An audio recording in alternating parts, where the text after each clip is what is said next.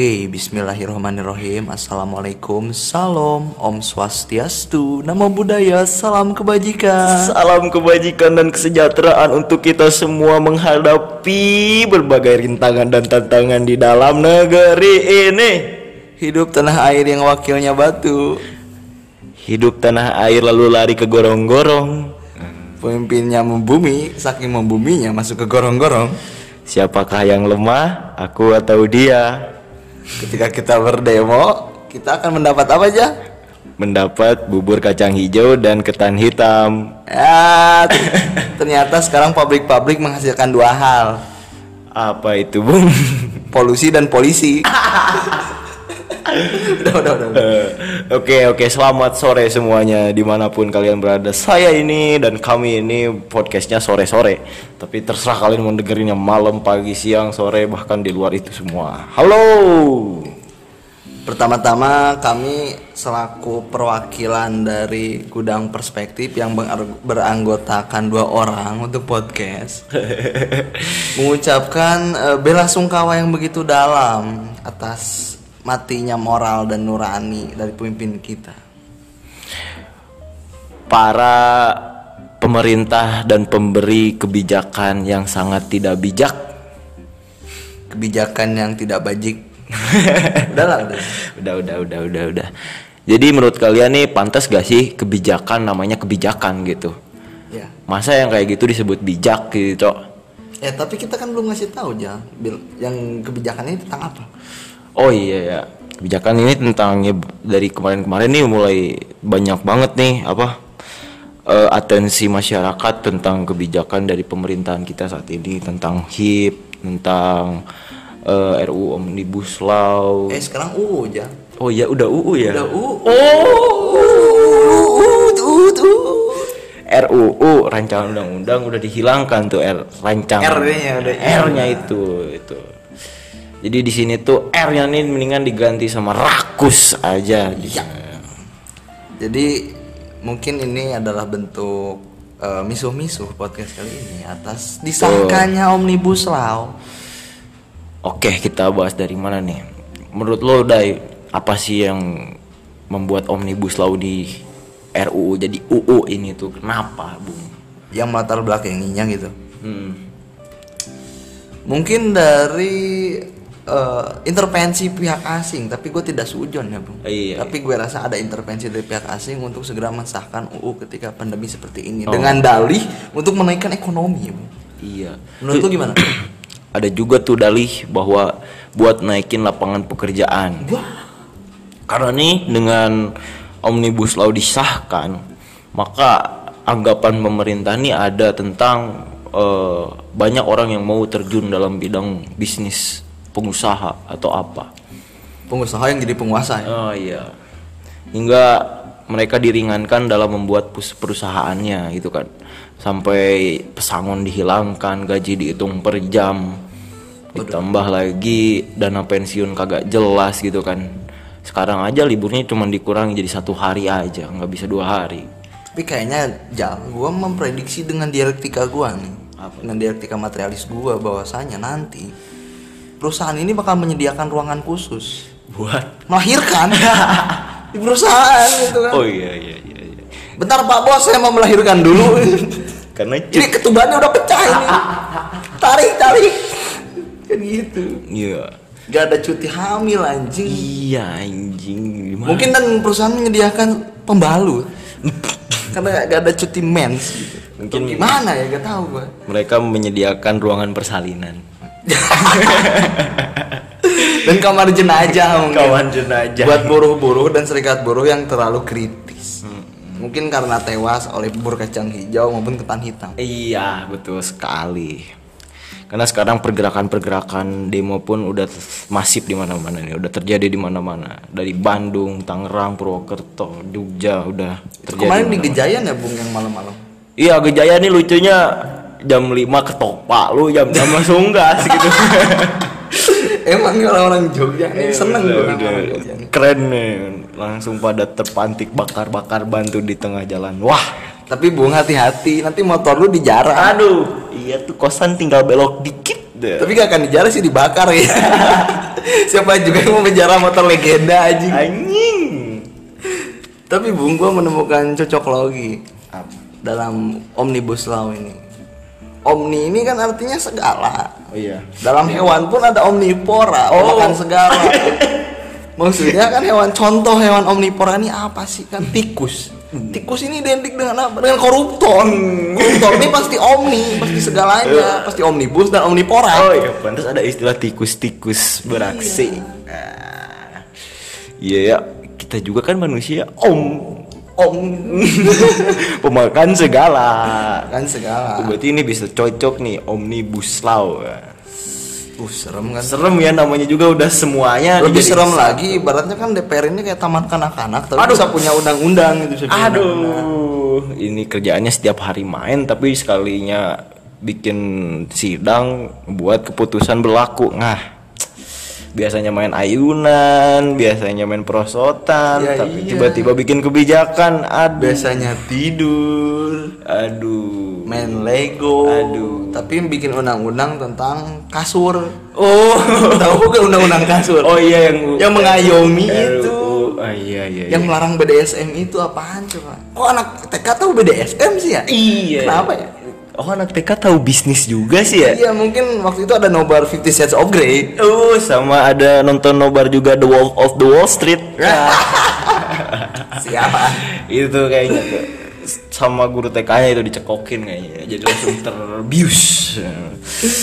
Aduh, aduh, aduh. Gimana nih Bung nih? Eh menurut lu gimana itu? Lu belum menjawab. Kenapa menurut lu? Apa faktor yang melatar belakangi disahkannya eh, omnibus law ini? Terlihat jelas ya di, di masa pandemi di mana perusahaan ini pada kolaps gitu kan. Mungkin orang-orang di perusahaan atau pebisnis-pebisnis sulit untuk membayar eh, hak-hak dari pekerjanya sendiri sehingga dimudahkanlah perusahaan itu untuk eh, membangun kembali perusahaannya supaya stabil. Jadi yang jadi korban nih sebenarnya buruh. Tapi ini tuh bisa juga dipakai bahwa omnibus law ini dipakai untuk sementara gitu untuk ngebangkitin perusahaannya aja. Tapi ke sana ke sananya harus cepet Cabut. ya? dicabut gitu. Kalau nggak presiden deh keluarin perpres atau gimana? iya. Jadi kayak buat stabilin gimana caranya ini tuh perusahaan pada mau lagi gitu. Kalau kalau di Amerika tuh ya kayak depresi modelan depresi gitu diturunin suku bunganya. Jadi digampangin buat orang-orang usaha gitu. Aduh, mungkin gini ya rasanya punya presiden pengusaha nih. Walaupun gitu kan dalam negara demokrasi itu lekat dengan trias politika, eksekutif, legislatif dan yudikatif, tapi seakan bung eksekutif di kita ini tunduk gitu sama legislatif kita. Dan yudikatifnya juga suka menyerang yang bawah-bawah doang gitu diserangnya teh. iya. Tapi gua aneh, Bung. Kemarin tuh kan ya ada ada ada ini lagi viral debat itu loh yang Demokrat mengundurkan diri. Oh, gua tahu. Ya. yang walk out Yang itu. interupsi ya? iya interupsi. Interupsi pemerintah. Jadi ini tuh siapa yang pemerintah? Soalnya demokrat di situ di ruangan itu ngomong ke ketuanya pemerintah. Sedangkan dia siapa gitu? Apakah dia bukan pemerintah gitu? Pemerintah yang kami banggakan. Saya mohon satu menit terus dia siapa Antum siapa ini? antum siapa berdiri di situ gitu Kenapa antum ngomong ke dia pemerintah? Apakah antum tidak menganggap diri kamu itu pemerintah gitu? please lah gitu kan jangan buat demokrasi jadi demokrasi gitu. please lah Dun iya. Ini juga lucunya lagi ketua gak mau ngasih ngomong satu menit gitu. ya Allah, satu menit doang gitu kan Supaya dia jadi jadinya walk out dia kan lucu gitu bung. lucu ya ya sedangkan ini kan sumur hidup gitu kan kalau ini buat seumur hidup. satu menit Satu menit. Aduh. Itu kenapa ya? Ini tuh kayaknya udah banyak banget eh, permasalahan hati di antara para ketua DPR ini. ya. iya. Ini tuh kayaknya udah pada sakit hati nih, diselingkuhin atau gimana nih? Banyak banget nih, cuman ngomong satu menit sampai nggak dikasih, terus pada walk out, udah pada dimasukin ke hati nih pekerjaan-pekerjaannya nih kayaknya nih. iya ya Iya, kelihatan banget bung. Jadi di mana semuanya nih ngambil kebijakan, tapi bener-bener eh, dia tuh kayak yang sakit hati gitu, pelarian-pelarian gimana gitu, ngerasanya. Eh goblok itu apaan sih suara di sini tuh wajar ya sorry ya guys di sini kita di studio rekaman kita di Lukaso orang-orangnya tuh masih primordial gitu suka menggerung-gerung motor untuk menikmati hidup. Begitulah. Ya. Jadi gini kita ngebahas dari mana ya enak ini? Dari demokrasinya dulu aja dah. Ya. Ini tuh benar-benar demokrasi apa demokrasi menurut lu? Aduh. Aduh sekali ini. Menurut gua bukan dua-duanya, Bung. apa Ini ya? mah oli samping. Oli samping. kan. Mending kan kalau oli samping RX King, Vespa atau Poswan itu wangi. Wangi pakai Kalau oli samping. Oli negara ini bau. Baunya sampai bikin perut keroncongan gitu. Udah pemimpin kita teh feodal, binal lagi anjing, serem. Aduh, aduh, aduh, aduh, aduh, aduh, aduh, aduh, aduh. Gimana ya? Aduh, maksudnya kan dari partai-partainya, dari visi misi partainya sangat apa ya mencerminkan ketuhanan gitu semangat ketuhanan. Tapi kalau di belakang layar ke rumah boarding. Iya gini. Gini ya, demokrasi ini kan memberikan hak kepada seluruh warganya untuk bersama-sama berbicara, berbicara dan menyampaikan aspirasinya masing-masing gitu kan ya. Secara definitif tuh. Tapi yang terjadi sekarang nih kita kayak ditutupi gitu. Siapa coba yang yang ini yang apa? Yang sedang menutupi kita nih kita kan nggak tahu juga gitu. Tapi sistem ini gue yakin gitu sistem ini tuh benar-benar udah rusak gitu. Di mana kita kebebasan berpendapat nih dikurangi parah gitu. Berarti harus diganti sistemnya, Bung. iya kalau menurut gue sih buat bening revolusi besar revolusi besar besaran dalam sistemnya ini bung. Karena dari tujuh bulan penanganan masa pandemi atau apa ini covid benar-benar gak ada perkembangan Iya, bener. yang malah jadinya tuh cuman ada eh, isu-isu tentang dibisnisin lah di di monetisasi terus ditambahin lagi. Itu cuman angka manipulatif lah apalah cuman isu-isu tentang yang enggak nggak tahu kebenaran atau kesalahannya itu karena ketidak terbukaan pemerintah dan ketidak eh, ketidak tegasannya para pemerintah itu menurut saya. Informasinya tuh semuanya dikurangi sama pemerintah tapi kita mencari informasi sampai keluar gitu. Kita mencari informasi sampai ke Eropa ngelihat demo terus dibawa ke Indonesia. Yang terjadi apa? Pemerintah malah nyalahin yang rakyat gitu. Kamu menyebarkan kayak gini ini terjadi di luar gitu Tapi kenapa ya, Bung? Pemerintah kita ini sukanya yang tertutup gitu, gak suka terbuka. Dari 17.508 pulau itu pengennya tertutup. iya cuy padahal kontradiksi sama kaidah-kaidah demokrasi ini gitu yang mana keterbukaan informasi adalah hal yang nomor satu harusnya harusnya loh tapi kalau misalkan kita sebagai ya ibarat yang sudah mengerti atau sudah memahami tentang letak kondisinya ini gimana mending ya agak dikurangi untuk melihat ke belakang tapi itu dijadikanlah supaya buat eh, patokan gitu supaya kita tidak jatuh ke lubang yang sama gitu Tapi biasanya kalau dalam hal perbucinan jatuh ke lubang yang sama itu enak.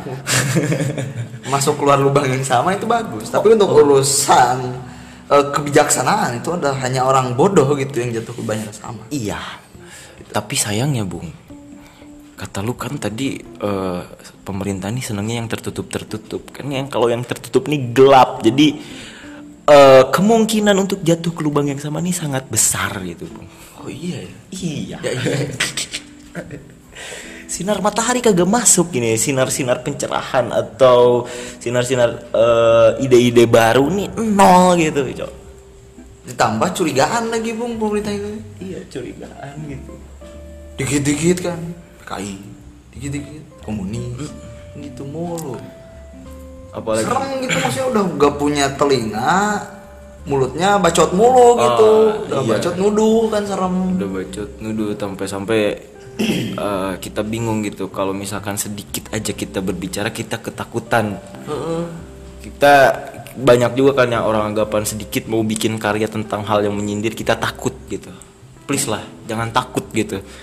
Ini kembali lagi eh, negara demokrasi di mana kalau misalkan ada semua orang yang sadar tentang keterbu ke- keburukannya pemerintah pasti revolusi dapat terjadi satu hari kalau semuanya sadar. Mau revolusi apa reformasi nih? Beda itu reformasi dan revolusi. Simpelnya gini, kita pakai analogi kalau reformasi kita punya cewek nih terus putus. Nah kita balikan tapi komitmennya baru. Nah itu reformasi. Nah kalau misalkan revolusi kita putus sama pacar ya udah jadi mantan. Bila perlu sebarin aibnya. Skandalnya sebarin. Skandal. enggak enggak bohong bohong bercanda. Itu kan kalau misalkan revolusi pasti ada eh, hal-hal yang enggak ini. Ya. pasti dibawakan lagi diulas kembali diulas kembali.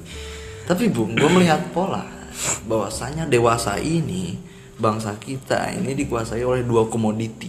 Wah apa itu? Yaitu sawit dan karet. oke Karet ini jadi pasar, sawit ini jadi komoditi. Kalimantan sawit, pasalnya karet gitu kan anjing serem. Bener. iya bener bener bener.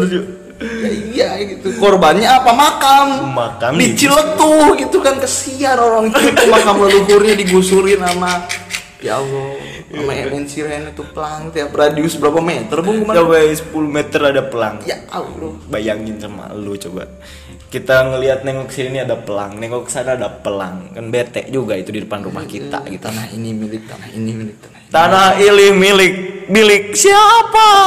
Anjing gitu ya. Kan.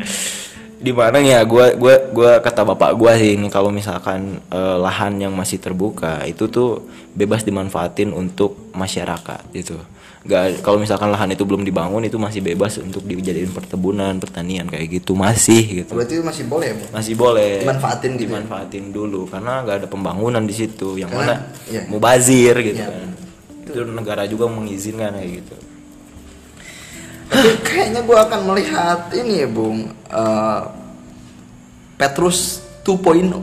Uff. Tapi bukan Petrus penembak ya. Eh, ini apa Pembungkam. Petrus ini pembungkam misterius. Maksudnya membungkam tapi secara misterius gitu kan. Sambil senyum-senyum datang ngebungkam. Eh, iya Ya. iya iya senyum, Senyum, senyum. hilang Hilang. oke Tahu-tahu bakso bakso biasanya gak ada tukang bakso. Eh, iya.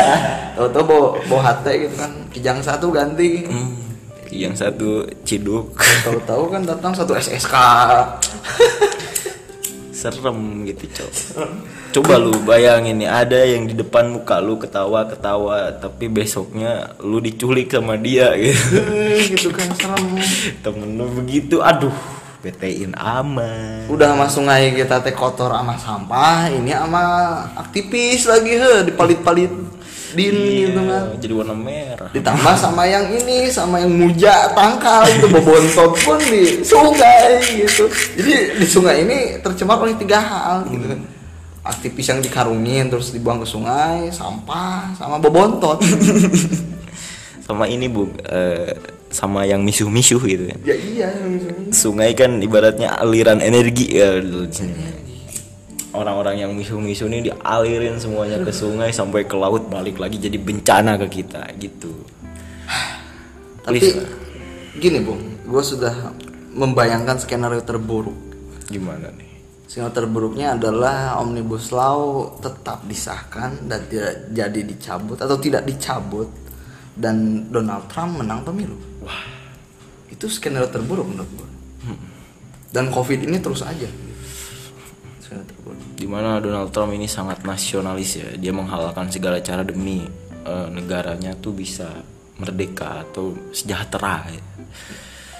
Jadi dia nggak peduli tentang apa yang ada di luar negara sana bodoh amat mau gimana tapi kan yang penting negara dia emang maju gitu Ya, beda sama Biden kan lebih globalis dia ya si, si Biden. Si Trump ini kan dia anti farmasi bu. hmm, nanti formasi Dalam dengan kata lain dia ini eh, ya kayak boomer gitu dia gak percaya COVID. Bahkan gue belum pernah lihat dia pakai masker gitu. tapi katanya dia kena kena covid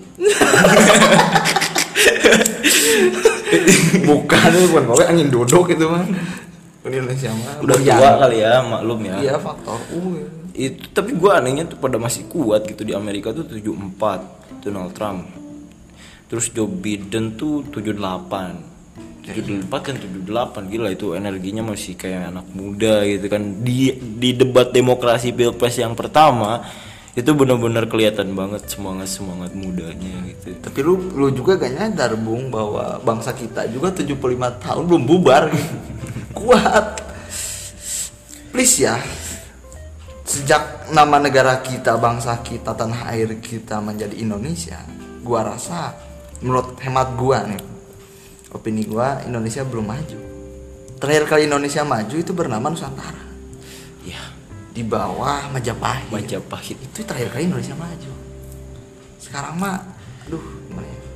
Tapi kayaknya kelihatan banget sih cok. Sekarang nih kayaknya pemerintahan sekarang mau ngebalikin lagi ke tingkat eh ke kembali ke masa lalu.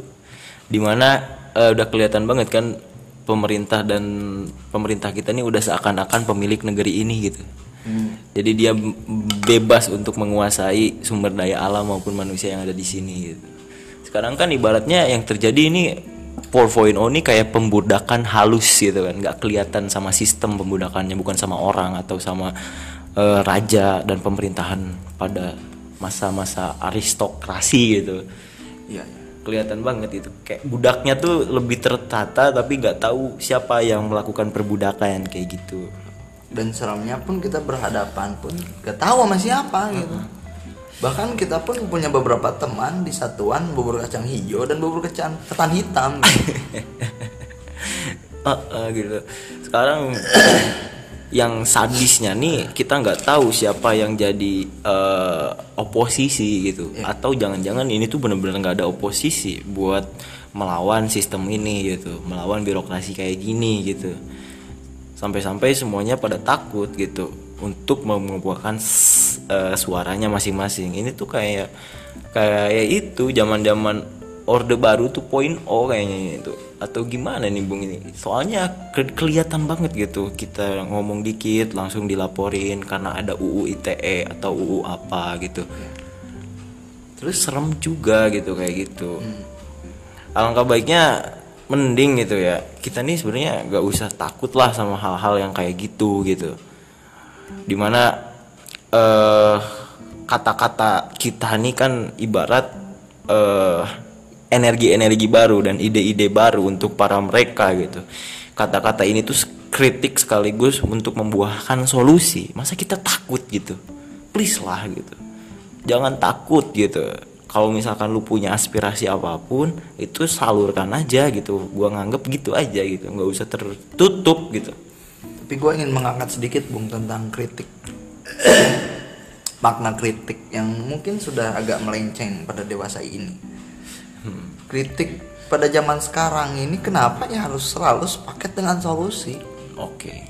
Kenapa gitu? Padahal dari dulu itu pada dasarnya secara etimologi pun kritik berasal dari kata kritika artinya membeda-bedakan memilah memilih gitu kan dan mengkotak-kotakan Iya mengkotak-kotakan gitu. Analoginya gini kritik tuh kita punya bahan gitu. Kita pengen dibikin baju, kita bawa ke tukang jahit. Nah, tapi si tukang jahit nanti salah gitu kan ngejahitnya. Kalau kita kritik marah-marah kan nggak salah gitu. Orang dia kerjanya tukang jahit, kalaupun kita kasih solusi juga sebenarnya mah nggak perlu. Karena ya ngapain kita bawa ke tukang jahit kalau kita bisa jahit sendiri iya akan lebih bagus kalau kita bilang ya udah lu berhenti aja jadi tukang jahit gitu. Tuh. tapi seremnya ini tukang jahitnya ini punya ibu. Ibunya ini sering duduk di depan teras pakai baju merah. Dan punya peliharaan banteng gitu. tapi lebih serem lagi bu. Gimana tuh bung si tukang jahit ini punya paman Oh, pamannya ini punya hodam ke mana-mana dia bisa ke mana. Ke laut bisa ke maritim bisa ke bisnis bisa serem. Opung ya? Opung. Punya ya. opung. punya opung jadi aduh. Gawat peliharaannya banteng opungnya punya hodam gitu kan. Emaknya diem terus di situ nggak ke mana-mana ngontrol gitu. Iya baju merah lagi serem. Sem kan ya? I gitu tapi kemarin juga kan RUU Cipta Kerja nih hmm, 72 skornya bung. Skor dua gim- maksudnya? 72 skornya. Ada tujuh fraksi yang mendukung dan Oh, oke. dua fraksi yang menolak. Di mana yang menolak nih dari eh, fraksi Demokrat dan PKS kalau nggak salah. Untuk saat ini gue mungkin berpihak ke PKS untuk saat ini. oke oke. Walaupun dulu gue sangat membenci bukan membenci ya, memang kritik dan menyayangkan eh, jejak sejarah di PKS yang mengkorupsi sapi dan dana haji Hmm, dulu dulu 2014 ya ya, ya. Tapi untuk sekarang oke. Oke lah gitu Jadi kan. PSI ini mendukung ini bung. Bagaimana? Oh dia kan ada di parlemen ya belum PSI. belum ada di parlemen sekarang parlemennya dikuasai oleh PDIP Golkar terus ada lagi yang namanya apa ya itu tuh ya tadi tuh gue baca Ini tuh bung, hmm, PKB. PKB PPP PAN Nasdem Gerindra. Ah itu pada ngedukung Itu Nasdem. kan kayak pergabungan antara alam dan hewan. Di situ ada pohon beringin, ada banteng, ada pohon ada garuda, pantesan dia kuat ya. Uh, ada kabah, tapi cuma simbol doang. Sedangkan Demokrat kan cuma roda gitu kan Mana ada demokrat roda anjir Demokrat ya representasi dari Illuminati oh Segitiga gitu kan Wah, ini ini masih juga konspirasi Konspirasi Jadi segitiga ke atas sih. Eh, Tapi sama aja itu Logo-logo bangkir ini. Dan Ah. demokrat demokrat itu baperan Iya. Tapi nih Bung ya, gue ngerasa nih di demokrasi ini tuh justru malah nekan rakyat yang di bawah karena gue gue yakin demokrasi ini sejalan dengan kapitalisme. Oh jelas. Di mana perdagangan di di negara-negara demokrasi kan itu dibebaskan gitu. Ya. dan siapa pun bisa masuk untuk ikut di pasar itu gitu. Sehingga tidak ada kontrol dari pemerintah dari dari pihak terkait untuk eh, mengkontrol apa pun yang ada yang masuk ke negara kita gitu. Karena penjualnya sangat bebas dan itu pun yang menjadi gadang-gadang dari Amerika gitu di mana Amerika sangat mengedepankan demokrasi di seluruh dunia supaya dia bisa memasarkan produk-produknya di luar negeri kayak modern Coca-Cola, McDonald, KFC kayak gitu kan dia bisa memasarkan di mana saja gitu kan di seluruh dunia jadi tetap aja yang memiliki modal besar bisa masuk ke negara yang demokrasi gitu bebas soalnya persaingan bebas gitu wow. nah, kayak gitu sebenarnya Tapi kayaknya Bung, demokrasi kita ini itu kan dekat dengan kapitalisme yang sayangnya gitu masyarakat kita ini nggak paham tentang politik. iya Maksudnya kan kita ini diserang dan ditindas, diperkosa oleh para pemain politik kita yang bangsat gitu kan. Tapi masyarakat kita mayoritasnya nggak paham politik itu yang serem. Jadi mungkin agak sedikit susah. Susah untuk ngebongkar kayak gini soalnya. Hmm, karena masyarakat kita mah ya mending cari makan gitu, cari duit buat makan dibanding mikirin politik. Iya, Bu. Ya. ya gue juga pengen kritik sih sebenarnya di mana eh, kaum milenial dan mahasiswa nih ke mana gitu ya coy kenapa gitu dari kemarin-kemarin nih kagak ada mulu gitu coy kenapa ketika ada yang baru- baru-baru akibat kan ini ibarat omnibus law disahkan nih akibat bukan sebab coba waktu kita tersadarnya waktu sebab kita kan bisa men menung- me- mengurangi gitu kemungkinan ini dapat terjadi gitu ya coba lah Menurut gua gini sih, Bung. Bijaknya kita ini harus ngopi dua hal, Bung. Ngopi ya. ya Karena masyarakat kita ngopi dalam tanda kutip ngobrolin perkara iman. Udah. itu doang perkara iman. Harusnya ngopi yang satu lagi. Ngobrolin politik Indonesia. itu. Jadi berbarengan. Oh, kayak Soekarno banget ini ya Soekarno, gitu. lebih suka melihat anak muda yang sedang berdiskusi sambil merencanakan masa depan negara ini Iya, gitu dibanding melihat eh, anak muda yang lagi PCS. Wah, lagi, lagi stalking IG lagi apa lagi lagi apa lagi nih aduh lagi Live. IG Lagi download tantan. lagi download tantan udah, udah. sebenarnya itu emang emang nggak ada salah gitu tapi di mana lu tuh jangan nganggep bahwa negara dan dunia ini tuh sedang baik-baik saja gitu Ya.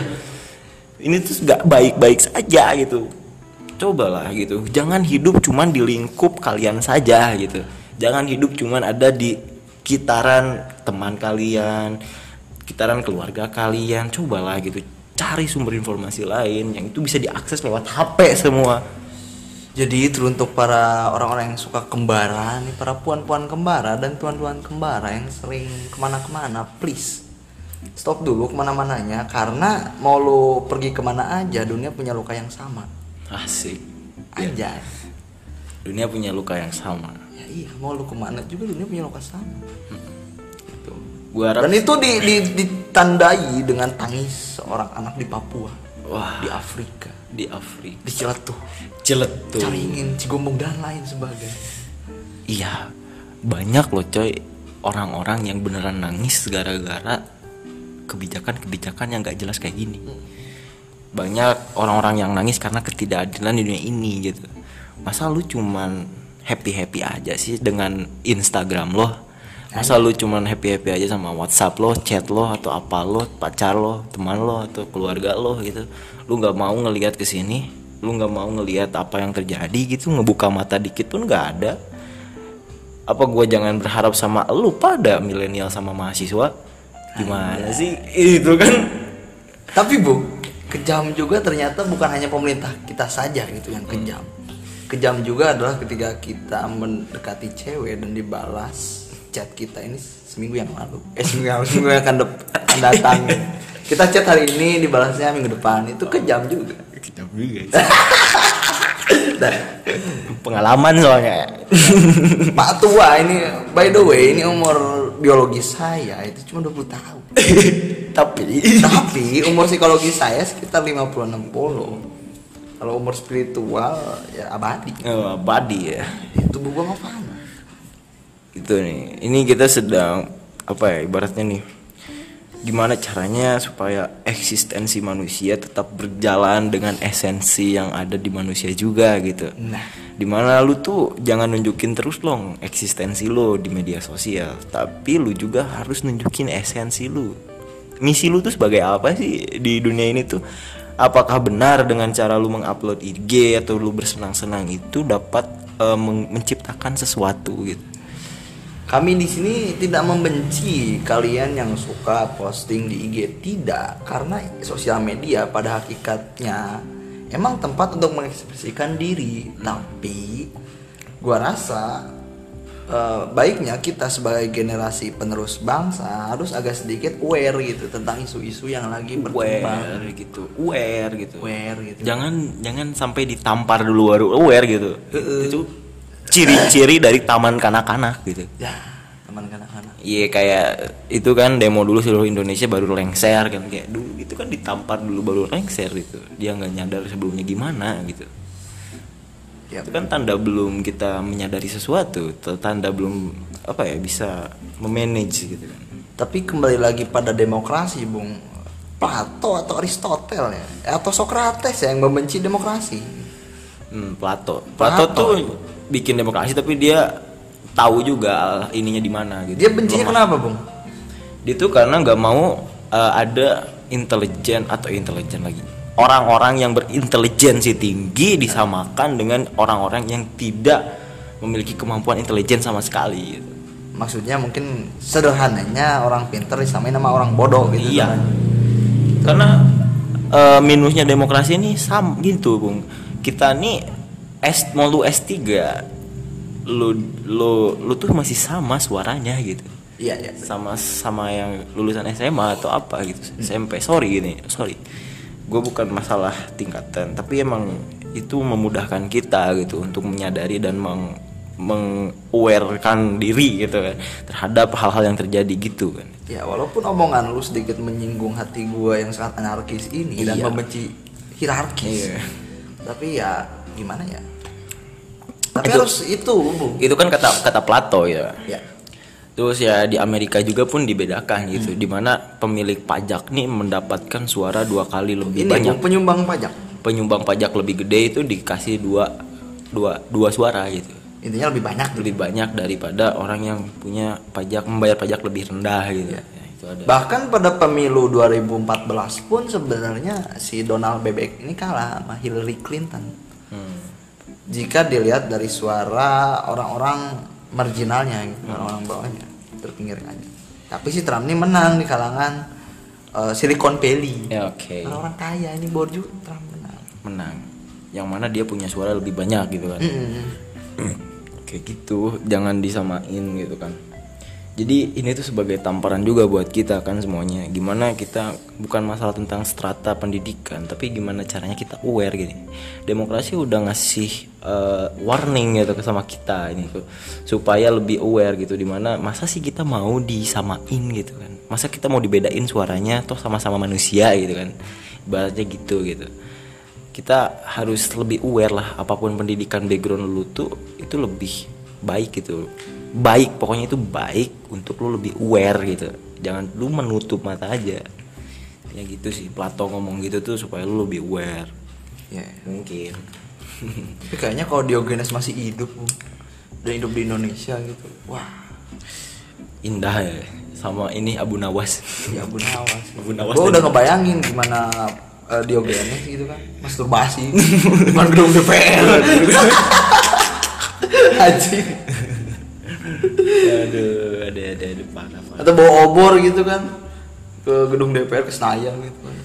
Abu Nawas juga ada cerita gitu loh coy. Jadi dia tuh siang-siang bawa obor tapi bukan untuk mencari manusia gitu. Dia mencari keadilan gitu. Kalau nggak salah.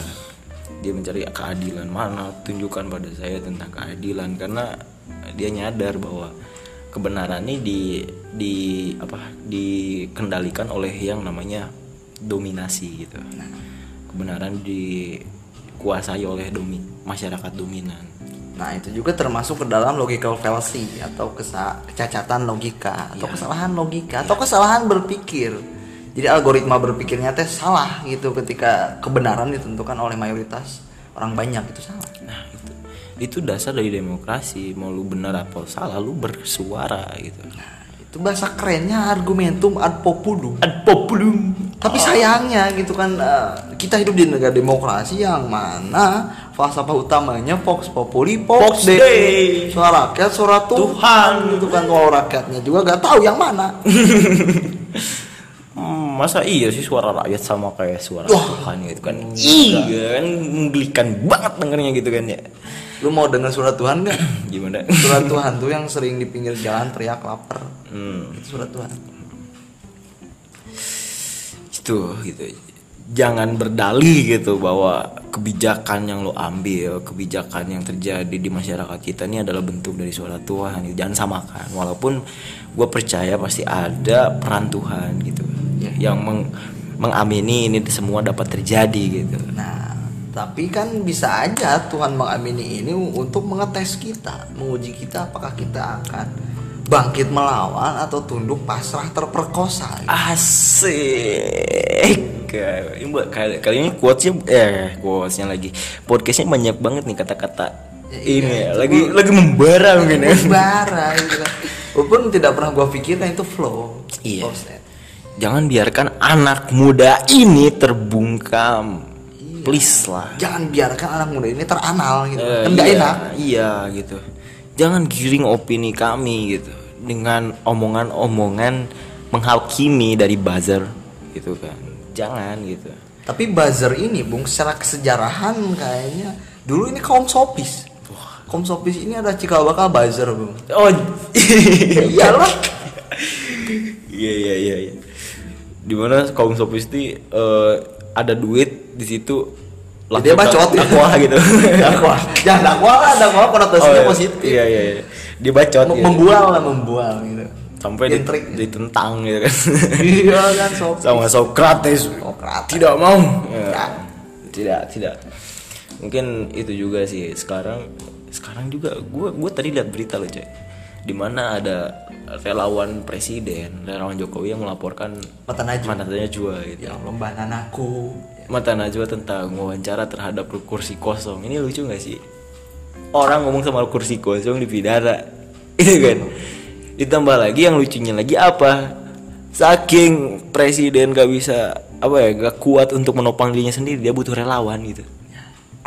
Tapi kita harus melihat sisi yang lain, Bung. apa? Kita apresiasi pelapornya. Oh, iya. Kenapa? Karena kita harus mengapresiasi seorang anak TK yang mengerti majah satir.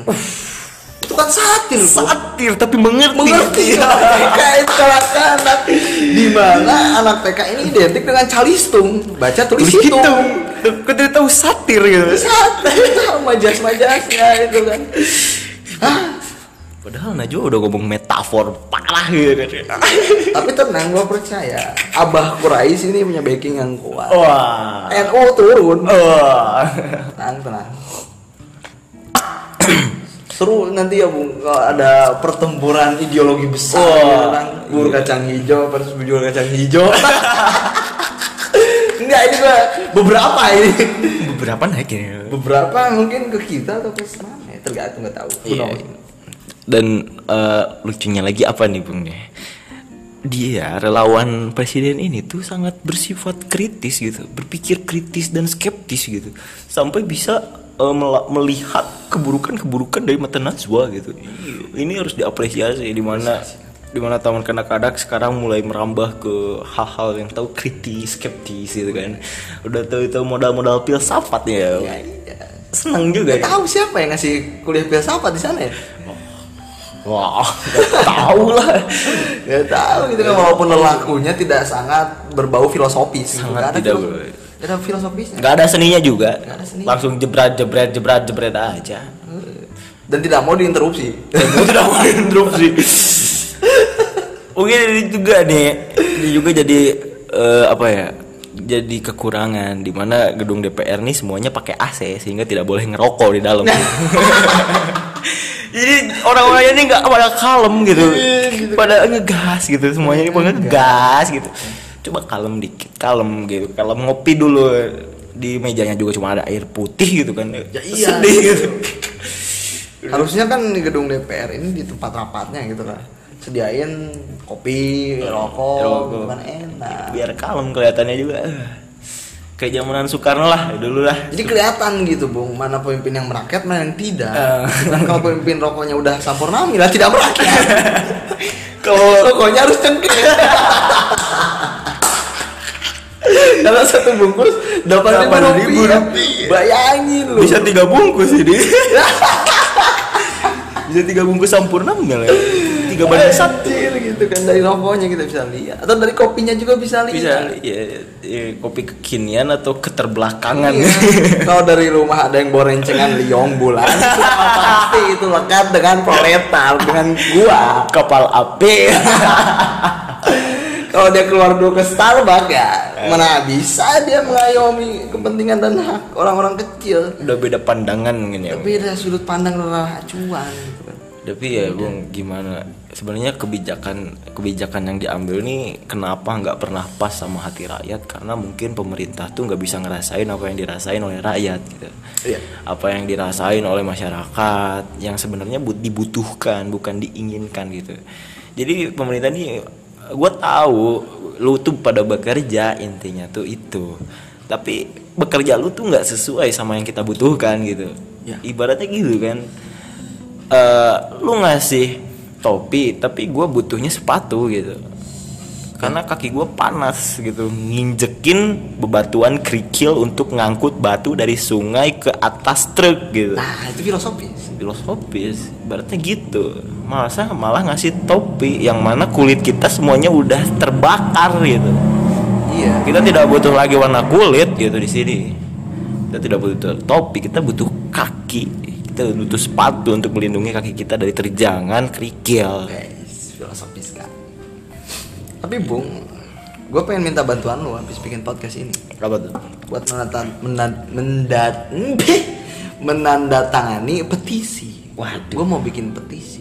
jadi lu yang bikin petisi nih Mau bikin gue petisi. soalnya udah banyak di mana-mana petisi gitu. Ya gak apa-apa. Gue beda dikit petisinya gitu. gimana Untuk menyuruh dan menyarankan para anggota dewan kita, para wakil kita untuk pergi ke dokter THT.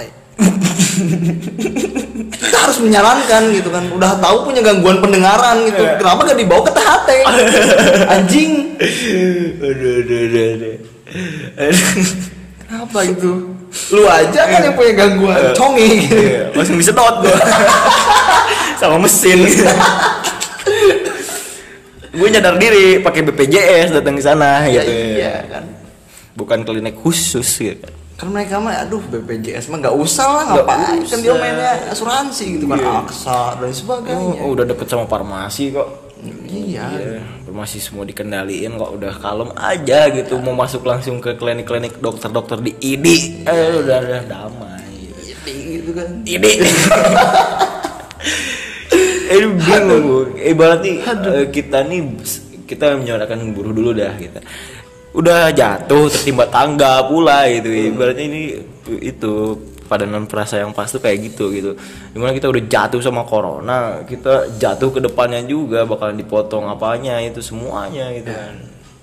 Bahkan banyak orang yang di omnibus law ini juga kan semena-mena gitu kontrak bisa sampai seumur hidup gitu kan gak bisa sampai pegawai tetap atau apa itu kan mudah untuk pemecatan mudah untuk pe Iya bayangin kalau itu tulang punggung tulang punggung satu-satunya ya. Iya.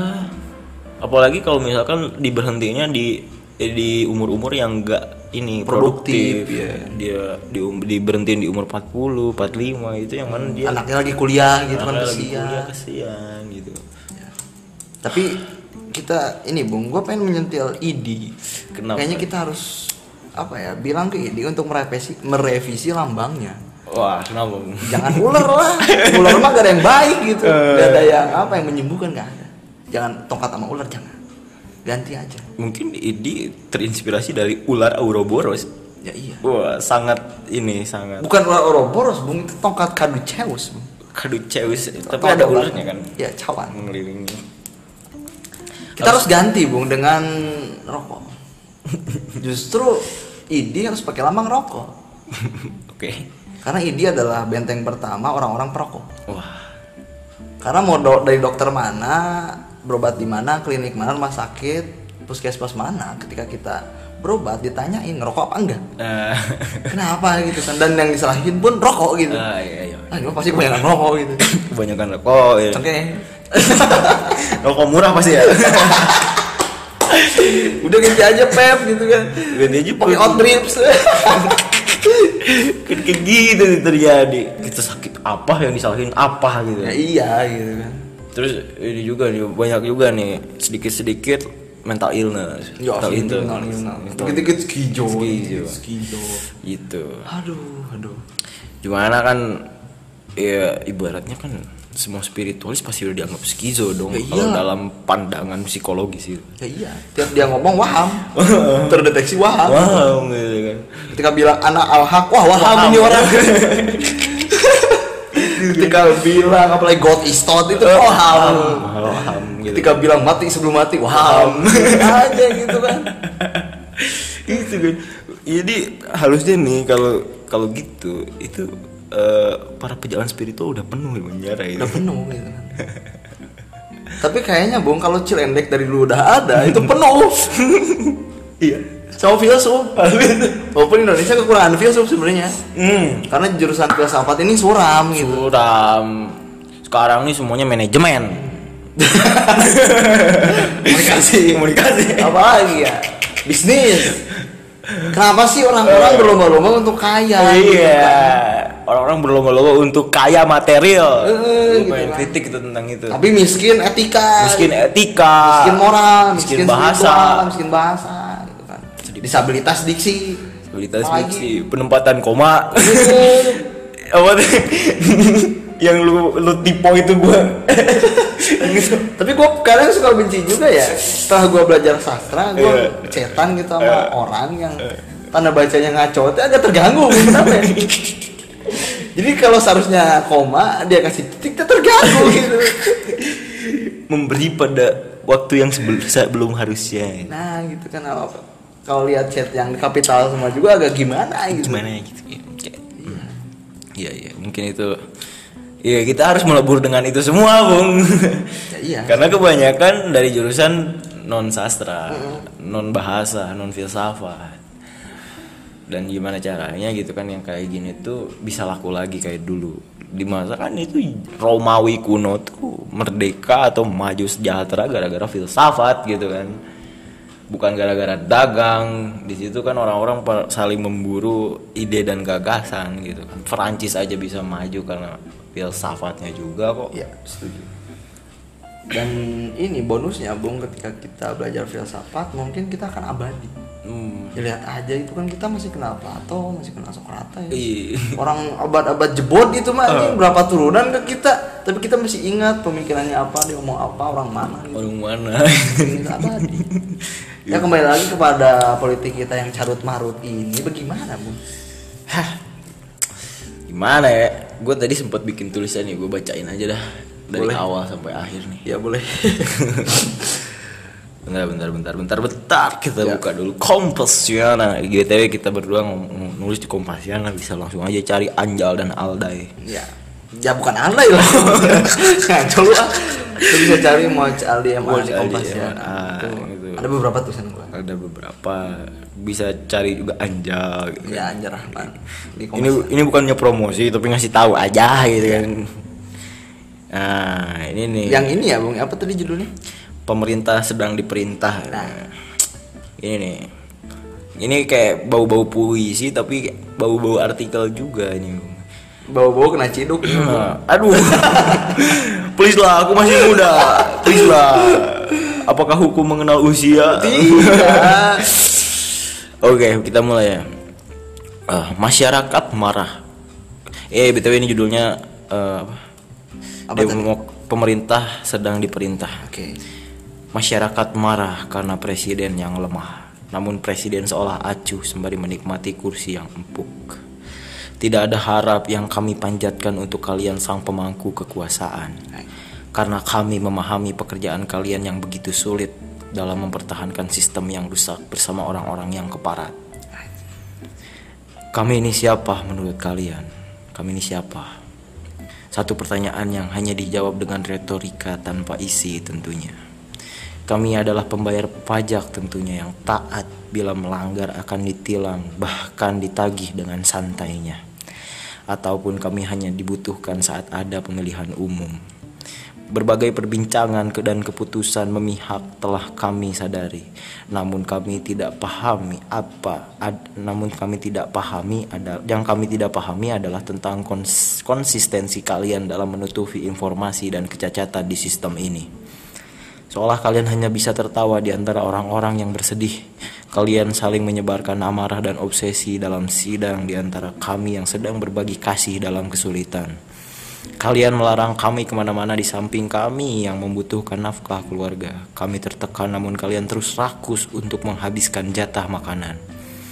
Tidak ada lagi yang bisa diharapkan dalam tatanan sistem ini. Terlihat dari adanya pihak, terlihat dari tidak adanya pihak oposisi dalam menentang kebijakan yang nyatanya tidak bijak. Seolah kami digerayangi dan ditelanjangi namun tidak tahu siapa pelakunya. Semua dari kalian menye- menyebarkan senyum dalam praktik menopengnya demokrasi. Tidak ada senjata yang mempan untuk menjatuhkan para anti kritik. Bahkan kritik hanya akan seperti angin lalu dalam sistem yang tidak memiliki telinga ini. Apa kalian menyadari bahwa yang dibutuhkan oleh kami hanyalah bentuk keterbukaan? Kami tidak akan menentang bila keputusan yang diambil dilakukan secara terang-terangan dan kami diikut sertakan dalam penyusunannya. Saat ini sebenarnya kami takut melihat kalian yang tergesa-gesa. Seolah sedang kocar kacir dalam melayani sang pembeli negara ini. Kebijakan dengan cepat kalian ambil demi memuaskan pihak pemesan kekuasaan yang kalian tutupi dengan sistem dan retorika rumit. Seolah-olah kalian sedang dimabuk cinta kepada mereka yang memiliki dana dan kuasa. Kalian cinta pada telunjuk dan perintah dari mereka yang pemilik pemer- perintah sesungguhnya. Kalian para pemerintah telah diperintah oleh pihak yang memerintah. Apa kalian buta? Apakah kalian tuli? Tentu tidak buta dan tuli. Kalian hanya banyak bicara tanpa mendengar, melihat, bahkan merasakan. Namun satu keuntungannya, kalian adalah nahkoda negara ini. Sungguh kami tidak mau diperintah oleh kalian yang bahkan tidak mengenali kami sedikit pun. Kalian berjalan penuh pengawalan dan kencing sembarangan. Kami sudah muak untuk berdemo karena yang menghadap karena yang menghadap hanyalah bubur kacang hijau dan ketan hitam. Kami malah dihadapkan dengan mereka yang buta rasa dengan senjata di dadanya. Kami berteriak, pelatuk ditariknya. Tidak ada kompromi dengan benda mati dan juga tidak ada rasa yang disematkan pada robot. Sejatinya yang membedakan manusia dan robot adalah rasa, yang menyatukan rakyat dengan pemimpinnya adalah rasa, juga yang menerima dan menentangnya adalah rasa. Namun sialnya, dialog kami dengan kalian ini seolah dialog antara manusia dengan robot. Sudahlah, terlampau kami sudah menghabiskan energi. Percuma kalian semua anti membaca. Karena kalian memang buta. Pun bila kalian pun bila kami bacakan kalian tidak akan mendengar karena kalian memang tuli. Karena pada intinya kalian memang anti kritik. Udah gitu doang guys. Udah 55 menit nih. Gak apa-apa lanjutin lagi itu tanggung. Udah, udah beres, Bung. Eh, dulu dari lu dong apa nih? Eh, Penutup terakhir itu- Ore, kita tepuk tangan dulu buat Bung Anja. Nanti gua fasilitasi dengan toa. Ah, itu kayak monolog dini ya. Iya, monolog dini. Ya. Gak tau pengen nulis aja tuh kayak dari kemarin nih hati ini nggak bisa tenang gitu. Kayak terombang ambing aja di lautan gitu kayak membara terus gitu. Sedih kayak gitu rasa rasanya tuh kayak pengen ada yang ditumpahin. Mungkin di lewat inilah media-media bisa menumpahkan tuh podcast, tulisan, buku kayak gitu paling. Ya. Syukur-syukur kan hasil montahan ini bisa dibeli. Iya. Ya oke. ya, apa nih Bung kata penutup dari lu nih? Aduh, mungkin dari lu dulu Bung. Kata penutup dari gua, ayo kita berjuang bersama-sama gitu. Walaupun gua gak tahu berjuang untuk apa, tapi yang jelas berjuang aja gitu. Jangan nutup mata mulu, bangkitlah. Ya. Dari gua, mungkin ini adalah waktu yang tepat untuk kita menaikkan taraf kesadaran kita bahwasanya dunia kita, sistem kita, dan semua yang melingkupi kita dan partikularitasnya sedang tidak baik-baik saja. Dan oleh karena itu, kita harus lebih aware bahwasanya kita ini dijajah oleh sesuatu yang tidak terlihat secara kasat mata. Begitu Begitu. dan ya omnibus law ini mungkin adalah titik awal titik mula Ini aja Tamparan. titik- ya ini adalah alfa ini adalah titik mula Mari kita tunggu omeganya. mari kita tunggu omeganya Ini adalah sebab, mari kita tunggu akibatnya. ya mungkin cukup sekian untuk podcast kita kali ini karena kemarin kita bikin podcast dan kebanyakan gue sedikit crop karena kebanyakan Ini juga udah kebanyakan. Eh, Ya, tutup iya, Bung. Oke, semoga semua makhluk berbahagia dan semoga pemerintah kita makin waras dan berobat ke THT. Gua Aldai izin pamit undur diri. Gua Anjal izin pamit undur diri. Sampai sata bapantu kita ta namaste. Namaste. Hai.